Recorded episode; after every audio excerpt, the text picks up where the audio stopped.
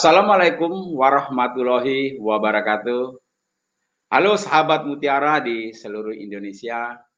Sudah lama nih kita tidak bersua di Temu Tani Online. Di episode kali ini, saya akan menemani sahabat Mutiara di rumah. Untuk Pak Ermen dan Pak Garis, mohon maaf ya, saya ambil alih dulu ini. Semoga sahabat Mutiara yang nonton episode ini selalu diberikan kesehatan dan umur yang panjang dan bagi yang sakit saya doakan semoga cepat lekas sembuh. Amin amin ya robbal alamin. Eh, sahabat Mutiara eh, di episode yang ke-58 ini kami mengundang peneliti dari Balitbu Tropika. Ibu Tri Budianti. Nah, yang bersama timnya sudah melakukan inovasi pada tanaman pepaya. Setelah melakukan perjalanan yang sangat panjang sekali, yang telah berhasil mengembangkan pepaya merah delima. Hebat dan salut untuk Bu Tri dan tim. Oke, sahabat Mutiara di seluruh Indonesia, kembali saya mengingatkan eh, bahwa kami sudah hadir untuk Anda di TikTok. Nah, nama akunnya NPK Mutiara. Di sana ada video-video dari skuad Mutiara yang menjawab pertanyaan-pertanyaan dari sahabat Mutiara baik di Facebook, Instagram ataupun di YouTube. Nah, sahabat Mutiara jika ingin bertanya silahkan tulis di bagian komentarnya, silahkan di follow di sana kontennya kami lebih ringkas, singkat, dan tentunya lebih padat dan mantap. Saya ulangi ya, tiktok.com at mutiara. Uh, sahabat Mutiara, seperti biasa, sebelum kita mulai, saya ingin mengingatkan sahabat Mutiara di seluruh Indonesia, jangan lupa like video ini, kemudian subscribe YouTube kami, dan pentung tanda loncengnya, Tentu jika ingin berdiskusi dengan kami, kami ada di grup diskusi di Telegram. Kalau mau bahas pemupukan konvensional, ada di grup komunitas NPK Mutiara. Nah, jika sahabat Mutiara yang hobi atau ingin berhidroponik, ada grup hidroponik Mutiara. Bergabung ke dua grup ini juga nggak apa-apa. Mantap. Oke, sahabat Mutiara di seluruh Indonesia, Uh, sepertinya Ibu Tri Budianti sudah stay atau uh, di Solo atau tempatnya di Bali Tropika. Mari kita sapa beliau. Halo, assalamualaikum Bu Tri. Waalaikumsalam warahmatullahi wabarakatuh. Pak Alan, apa kabar? Baik, Bu Tri, gimana kabarnya? Alhamdulillah sehat Pak. Ini alhamdulillah sehat semua. Alhamdulillah. Ini berkat sering makan berkat buah. makan pepaya. Ya. Berkatin makan pepaya. iya betul. Pepaya produk Nusantara. Harus Pak. Ya. Oh iya ya. Bu, ini ngomong-ngomong di Bali Bu lagi oh, musim Pak. apa nih? Lagi musim apa, nih, apa ya? Lagi musim ini suka buahnya kebetulan lagi stagnan ini. Uh, oh. Paling yang ada ya pepaya, sama yang rut, pisang paling rutin gitu bisa dipanen kalau yang tahunan durian rambutan gitu sedang apa uh, stagnan ya iya gantian bu pepaya dulu untuk menemani legisinya bu ya Tuh, Oke, pepaya itu uh, ada terus pak oh ada terus bu ya pantas pantas tambah ya. sehat ibu ini sering makan pepaya terus ya bu ya Oke, sahabat Mutiara dan Putri kita uh, di episode ke-58 ini membahas tentang pepaya merah D5 dan kita ada dua sesi. Sesi yang pertama adalah nanti Putri akan mempresentasikan menjelaskan tentang uh, budidaya pepaya merah D5 dan keunggulan-keunggulannya apa. Kemudian sesi yang kedua itu ada sesi tanya jawab. Nanti ada saya ingat sahabat uh, Mutiara di Indonesia, silahkan tulis kolom komentar di Facebook atau YouTube kami untuk bertanya ke Bu Putri tentang teknik budidaya pepaya merah di lima. Oke Putri, untuk mempersingkat waktu, uh, monggo Ibu silakan untuk menjelaskan budidaya pepaya merah di lima. Silakan Bu. Boleh, baik. Terima kasih Pak Alan waktunya. Ini Sobat Mutiara ya, semuanya di seluruh Indonesia. Mudah-mudahan selalu sehat semuanya. Uh, saya perkenalkan ini kita mempunyai pepaya merah delima yang merupakan tanaman buah Nusantara gitu ya. Jadi kenapa kita harus memilih buah dari luar sedangkan kita memiliki keragaman buah yang tinggi. Salah satunya pepaya merah delima yang rasanya itu luar biasa. Kalau nggak percaya nanti dicoba ya. Tanam dulu, kalau enggak uh, kita cari kebunnya untuk mendapatkan buahnya. Pepaya merah delima itu uh, merupakan seperti tadi yang disampaikan Pak Alan ya, hasil penelitian dari Balai Penelitian Tanaman Buah Tropika Kementerian Pertanian ya, Balitbangtan Kementan itu ya. Prosesnya cukup lama kita mengenal dulu bagaimana tentang pepaya merah delima, silsilahnya. Kalau tak kenal maka tak sayang ya. Jadi kita kenalkan dulu. Nah, eh, merah delima itu memang mirip sih seperti California gitu ya, tapi sejarahnya mereka berbeda gitu. Jadi kalau merah delima itu merupakan hasil perkawinan dari pepaya koleksi Balit Putropika itu ya. Jadi Balit Putropika itu mempunyai koleksi berbagai macam jenis pepaya yang berasal dari eksplorasi, kemudian dikoleksi, kemudian dilakukan persilangan. Nah, salah satu persilangannya itu antara pepaya sekaki dengan pepaya eksotika.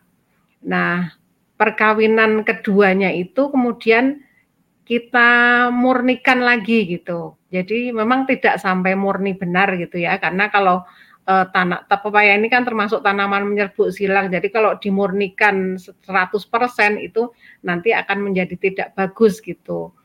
Nah, jadi kita peroleh pada generasi keempat gitu, itu pepaya dalam uh, stabil itu sudah stabil baik itu dari segi rasanya, kemudian juga keseragaman buahnya. Nah, itu uh, cukup stabil sehingga pada tahun 2011 itu uh, kita rilis pepaya merah delima ini menjadi varietas unggul baru. Jadi mulai tahun 1999 dilakukan persilangan, kemudian kita murnikan sehingga diperoleh galur terbaiknya uh, pada generasi F4 gitu. Kita rilis tahun 2011 menjadi pepaya merah delima. Nah ini timnya ini ada uh, saya hanya merupakan bagian dari tim kecil ini ya. Kita dipimpin oleh Pak Sunyoto waktu itu. Jadi Pak Sunyoto itu ada yang ganteng sendiri di antara kami berempat itu adalah pemimpinnya ya. Kemudian ada Bu Novlindawati itu yang jilbab merah cantik pakai kacamata. Kemudian ada Bu Dewi Fatria dan ada saya sendiri Tri Budianti. Nah, kami berharapnya pepaya merah delima ini bisa apa ya mewarnai lah gitu ya dunia hortikultura Indonesia gitu. Jadi paling tidak bisa meningkatkan konsumsinya, juga bisa meningkatkan pendapatan masyarakat. Nah, kita sekarang uh, kenapa sih gitu ya kita melepas merah delima itu menjadi varietas unggul? tentunya karena kita merasa bahwa pepaya ini memiliki beberapa keunggulan dibandingkan yang jenis lain gitu ya. Jadi pepaya ini uh, ukurannya itu sedang gitu ya. Kalau dibilang tuh bukan kecil tapi sedang gitu. Sedang bobotnya itu antara 700 gram per buahnya sampai 1200 gram gitu. Nah, uh, ini cukup ideal untuk dikonsumsi uh, satu orang gitu ya atau dua orang lah kopel lah kopel gitu ya. Separuh separuh gitu cukup lah gitu kan. Atau dimakan sendiri kalau memang uh, lagi lapar gitu ya. Nah kemudian uh, lingkar buahnya juga sedang gitu ya bentuk buahnya itu silindris gitu. Sehingga kalau dikemas itu uh, bagus gitu ya memenuhi ruangannya itu. Nah yang daya tariknya sendiri warna daging buahnya itu merah oranye gitu. Jadi namanya sih merah delima gitu, tapi sebenarnya sih warnanya merah oranye gitu ya karena uh, memang kalau pepaya itu ya tidak mungkin warnanya merah cerah gitu ya, jadi merah oranye yang menarik gitu. Nah kemudian uh, rasanya manis. Nah tingkat kemanisannya itu uh, kalau diukur 11 sampai 14 brick gitu derajat brick. Jadi uh, rasanya itu cukup manis gitu. Kemudian tekstur daging buahnya kenyal gitu. Jadi enggak banyak gitu ya kalau pepaya apa kampung apa pepaya yang ada itu kan kadang lunak gitu ya sehingga kalau mau makan itu gimana gitu ya. Terus kemudian tidak beraroma pepaya kampung gitu. Jadi kalau makan pepaya itu uh, legit gitu rasanya, legit nggak banyak terus nggak beraroma. Nah satu lagi daging buahnya itu juga cukup tebal, ketebalannya itu antara dua setengah sampai 4 cm. Kemudian, nah umur panen pertamanya itu 8 sampai 9 bulan setelah tanam. Jadi kita nggak perlu nunggu waktu lama untuk bisa mencicipi manisnya merah delima ini cukup 9 atau 8 bulan sudah bisa memetik hasilnya dan bisa dikonsumsi ataupun dipasarkan. Jumlah buahnya cukup banyak ya, tiap apanya bisa sampai 70 buah gitu ya per musimnya. Produksinya juga lumayan tinggi, bisa sampai 90 ton per musimnya. Nah, kalau ada yang bertanya kadang e, merah delima itu pepaya seperti apa sih gitu kan? Uh, jadi ciri khususnya merah delima itu uh, rongga tengahnya itu kalau dibelah buahnya gitu ya dibelah tengahnya itu bentuknya bintang lima gitu star shape istilahnya gitu.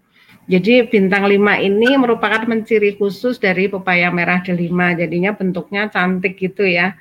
Uh, kalau merah gitu ya merah oranye kemudian juga rongganya itu berbentuk bintang. Nah ciri khas keduanya itu ya uh, punggung buahnya itu jadi sedikit agak bergelombang gitu ya. Jadi nggak terlalu mulus banget gitu memang, jadi agak bergelombang sedikit gitu. Uh, nah itu gelombang sedikitnya itu uh, yang menyebabkan apa rongga tengahnya tadi berbentuk bintang lima. Memang sih kadang nggak 100% bintang lima ya, tapi dominan itu bintang lima rongga tengahnya itu karena bentuk rongga kadang terpengaruh juga saat misalnya pembentukan buah saat bunganya muncul. Kalau bunganya itu tidak optimal pupuknya kemudian atau uh, airnya tidak cukup kadang terjadi uh, perubahan gitu. Tapi kalau normalnya stabilnya rongga tengahnya itu berbentuk bintang lima. Tadi selain itu juga warna dagingnya itu merah oranye menarik gitu Nah, kenapa kita uh, harus menanam ataupun sebaiknya menanam pepaya merah delima gitu ya? Kadang uh, kita kan banyak jenis lainnya gitu, tapi kenapa kita harus menanam pepaya merah delima? Karena pertama itu pepaya merah delima memiliki nilai gizi yang tinggi.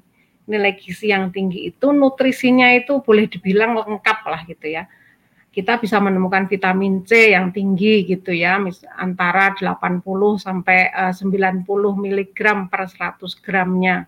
Nah, di dalam satu itu juga kita bisa temukan vitamin A-nya, kemudian juga ada kaliumnya, apa potasiumnya, kalsiumnya, juga uh, bagus juga untuk pencernaan gitu ya. Antioksidannya juga ada, jadi lengkap gitu istilahnya kalau pepaya itu uh, kandungan nutrisinya gitu. Jadi bagus untuk kita konsumsi, menjaga stamina, menjaga imun kita gitu ya di saat-saat pandemi seperti ini.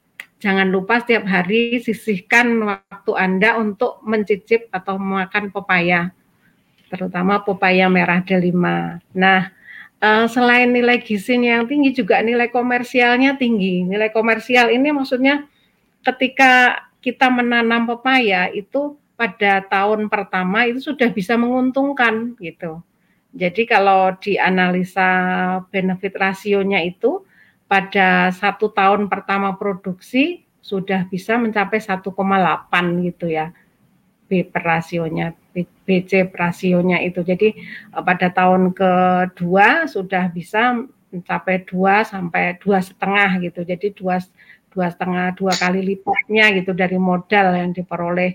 Sehingga kalau eh, petani-petani uh, pepaya itu jangan heran gitu kalau pada kaya-kaya gitu ya. Kalau sudah menanam pepaya merah delima ini.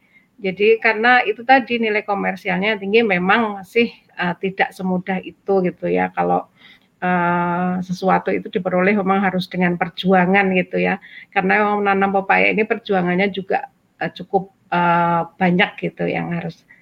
Nah selain itu juga peluang pasarnya nih peluang pasar domestiknya aja cukup tinggi. Sekarang ini uh, banyak sekali permintaan-permintaan uh, terhadap upaya merah delima ini tapi agak kesulitan kita untuk menemukan uh, pekebun yang terutama di Jawa ini ya yang jumlahnya itu luas gitu sehingga bisa memenuhi permintaan pasar yang uh, tinggi terutama yang di supermarket seperti itu permintaannya kan harus kontinu dan nah ini uh, makanya kalau sobat uh, mutiara uh, berminat menanam pepaya merah delima Insya Allah pasarnya apalagi di Jawa itu ya akan banyak gitu peminatnya gitu karena kalau memang kualitas buahnya itu dipertahankan, itu e, nilai komersialnya akan sangat tinggi, peminatnya juga banyak gitu, harganya juga bisa tinggi gitu. Saya punya petani binaan itu Pak Dadang namanya yang ada di Bandung, dia standar jual pepaya merah delima ini 20, pokoknya 15 sampai 20 ribu per kilo gitu. Karena memang e, rasanya manis dan itu diburu oleh konsumen. Kalau nggak percaya silahkan ke pasar ini ya Banturung ya di Bandung itu ada namanya kios HD Farm namanya gitu. Nah selain itu juga pasar luar negerinya sangat luas juga gitu. Beberapa hari terakhir ini banyak uh, yang nanya ke saya gitu, Bu di mana bisa dapat buah merah delima gitu. Rencananya pengen ekspor. Nah mudah-mudahan dengan pengenalan di acara ini nanti banyak sobat mutiara yang berminat untuk mengembangkan pepaya merah delima ya sehingga kalau saya ditanya di mana Bu bisa dapetin buahnya gitu saya bisa langsung jawab gitu ya. Nah, selain itu juga pendapatan dari budidaya pepaya ini uh, gitu ya. Karena tiap minggu itu bisa dipanen gitu bisa dipanen tiap minggu sehingga bisa menjadi andalan pendapatan keluarga ataupun uh, perusahaan gitu ya. Uh, pernah yang di Glenvalo di Banyuwangi itu mereka uh, lumayan juga Merah Delima bisa menghidupi karyawan gitu ya selain sektor lainnya gitu. Nah, bagaimana uh, agar budidaya merah delima ini uh, sesuai dengan yang diharapkan gitu ya. Kualitasnya juga bagus sehingga nanti harganya dan peluang pasarnya juga bagus peminatnya juga tinggi. Yang utama yang pertama ya itu penentuan lahannya yang harus sesuai gitu ya uh, saya di sini tidak menyinggung lengkap tentang masalah budidaya nanti ya karena waktunya sangat terbatas mungkin nanti di kesempatan lain kita bisa diskusikan tentang khusus budidaya pepaya Nah, eh, lahan yang sesuai ini yang seperti apa? Jadi upaya itu kecocoknya itu memang eh, di dataran rendah dan dataran menengah. Ketika upaya ditanam ditanam di dataran tinggi ataupun di atas 700 meter permukaan laut ya, eh, daging buahnya menjadi eh, tidak merah gitu ya, warnanya juga agak pucat, kemudian rasanya juga agak kurang manis gitu. Uh, nah, sebaiknya menanam di bawah 600 meter di atas permukaan laut. Kemudian kalau lahan-lahan apa aja bisa lah ya, selama uh, teknik budidaya dilakukan benar, olah lahannya benar, olah tanahnya baik. Nah, selain itu juga perawatan optimal, pupuk dan uh, airnya harus tersedia gitu. Tersedia dan tidak berlebihan. Kalau berlebihan juga nggak bagus, tapi kalau kekurangan juga tidak bagus. Selain itu juga yang paling utama di pepaya ini adalah disiplin dalam memantau dan mengendalikan organisme pengganggu tanaman atau hama dan penyakitnya. Kalau tidak disiplin, uh, nanti uh, pepayanya pasti akan tidak sesuai dengan yang diinginkan, banyak penyakitnya sehingga rugi, bangkrut nanti ujung-ujungnya. Karena itu disiplin dalam pengendalian OPT menjadi kunci utama dalam budidaya pepaya. Nah, ini kurang lebih ya sedikit gambaran tentang uh, profil pengembangan pepaya merah delima yang ada saat ini. Saya memang uh, agak susah kalau mencari yang namanya pepaya merah delima di pasar gitu ya.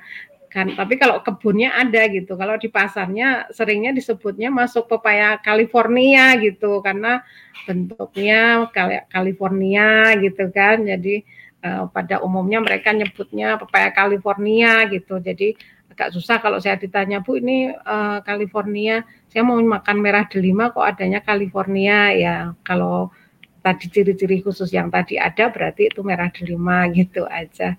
Nah profil peng, pengembangannya itu ada yang dalam bentuk perkebunan atau monokultur ya jadi perkebunan pepaya aja gitu ya nggak ada tanaman lainnya gitu ini ada juga Kemudian ada juga yang ditumpang sari dengan sayuran atau tanaman tahunan. Jadi eh, sayuran misalnya eh, ditumpang sari dengan apa eh, loncang ya atau daun bawang gitu ya. Ada juga dengan kobis atau sawi gitu. Eh, cabai rawit bisa, tapi kalau cabai keriting jangan karena eh, hama penyakitnya itu setipe gitu. Nah, kadang ada juga yang menanamnya itu di sela-sela tanaman durian ataupun kelapa sawit yang belum menghasilkan gitu. Jadi selama tanaman tahunannya itu belum menghasilkan sudah dapat uh, hasil dari pepaya ini dan ini cukup menguntungkan karena uh, di awal-awal sudah bisa uh, menghasilkan. Nah, kemudian juga ada yang ditanam di pekarangan rumah nih. Nah, biasanya itu dikonsumsi untuk keluarga sendiri gitu ya, satu apa lima batang gitu kan. Nah, kita untuk mempercepat penyebaran pepaya merah delima ini uh, membina penangkar, petani penangkar gitu. Jadi karena kita sebagai lembaga penelitian uh, tidak bisa menghasilkan benih dalam jumlah banyak, jadi uh, kita bina penangkar, kemudian juga kerjasama dengan swasta. Uh, ini yang sudah ada itu, yang sudah eksis ini ada Pak Nasri Joni ya di Pekanbaru di Riau yang sudah kita bina, sudah banyak juga menyebarkan uh, pepaya merah delima benihnya ini. Jadi kalau uh, Sobat Mutiara nanti ada yang berminat mengembangkan pepaya merah delima, bisa hubungi saya ataupun bisa menghubungi Pak Nasri Joni atau bisa juga ke Koperasi Balit Putropika karena memang saat ini untuk uh, benihnya belum tersebar luas di toko-toko uh, pertanian ya. Mudah-mudahan nanti setahun dua tahun ke depan sudah bisa beredar karena kita sudah mulai bekerja sama dengan uh, perusahaan benih swasta gitu. Mungkin itu saja Pak Alan yang bisa saya sampaikan sekarang ini um, untuk modal diskusi kita atau pengenalan terhadap pepaya merah delima. Terima kasih Pak Alan. Terima kasih Bu Tri ya, sudah menjelaskan tentang uh, keunggulan dari pepaya merah D5. Kalau lihat gambarnya itu rasanya manis Bu, tapi saya sering merasakan memang manis pepaya merah D5 kalau saya sering kunjungan ke Bali Ikan. Warnanya, tapi rasanya manis. Iya, Bu. Mungkin ini sebelum ke sesi tanya jawab ini ada yang perlu kami tanyakan juga hmm. ini Bu. Uh, ini menurut Bu Tri menanam pepaya merah D5 ini mudah atau susah? Uh,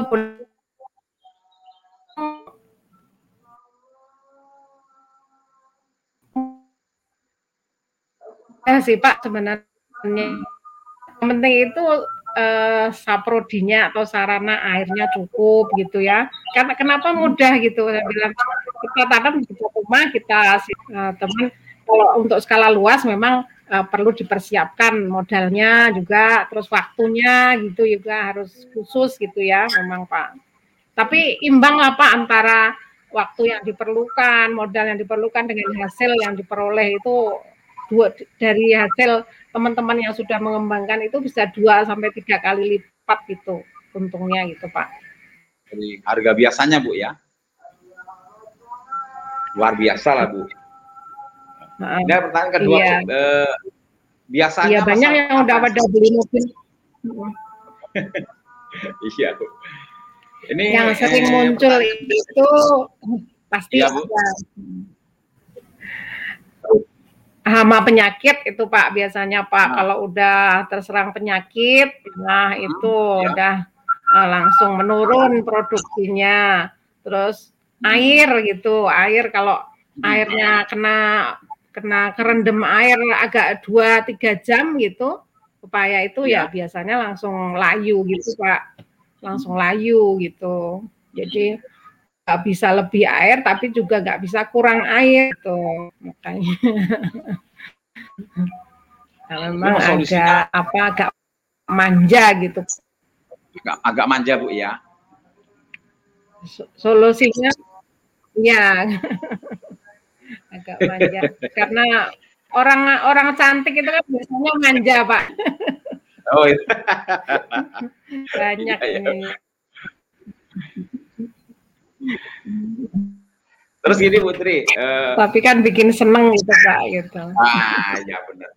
Penyebaran pepaya ini apakah sudah dari Sabang hingga Merauke Bu atau wilayah mana yang Ibu lihat paling cocok membudidayakan pepaya ini Bu? Wilayah mana paling cocok ini Bu? Dari Sabang sampai Merauke kalau kita membudidayakan pepaya merah D5 ini Bu. Semua cocok sih Pak di Indonesia Pak karena kan iklim tropis ya cocok dari hmm, Sabang ya. sampai Merauke. Dan ini udah terbukti gitu teman-teman yang di Aceh sampai Papua, Kalimantan, Sulawesi semuanya udah udah ada yang nanam merah delima gitu dan cocok umumnya gitu. Uh, pertumbuhannya juga uh, bagus, hasilnya juga bagus. Sekarang nih uh, terakhir di Papua itu yang sudah di mall ya apa namanya Manokwari, Mall City apa-apa itu ya uh, itu uh, di Indonesia Timur teman-teman di BPT Papua itu binaannya bagus juga gitu. Di Aceh itu dulu juga uh, banyak berkembang pepaya merah delima ini Pak. Hmm. Kalimantan di lahan rawa juga cocok. Di Sulawesi yang lahan kering juga bisa gitu. Itu ada di Manado itu uh, yang sudah banyak itu juga tempat Pak Martin Siwu kalau nggak salah namanya kalau itu saya tapi belum pernah ke sana ya. Cuman banyak ditanam di bawah apa uh, naungan di bawah pohon kelapa. Uh, di bawah pohon kelapa oh. itu. Jadi di sana kan banyak kelapa oh. ya di ya. ya. Jadi di bawah pohon kelapa tumbuhannya hasilnya juga pasarannya juga bagus pak. Itu jadi intinya semua tuh cocok bu, tergantung kita dari cara membudidayakan bu ya. Betul, betul Oke, Bu Pak, tergantung cara membudidayakan. Uh, uh. Oke, Tri, uh, sahabat uh, Mutiara di seluruh Indonesia, sebelum kita lanjut ke sesi yang kedua itu sesi tanya jawab dari uh, sahabat Mutiara yang sudah melayangkan pertanyaan di Facebook atau YouTube, baiknya kita rehat sejenak.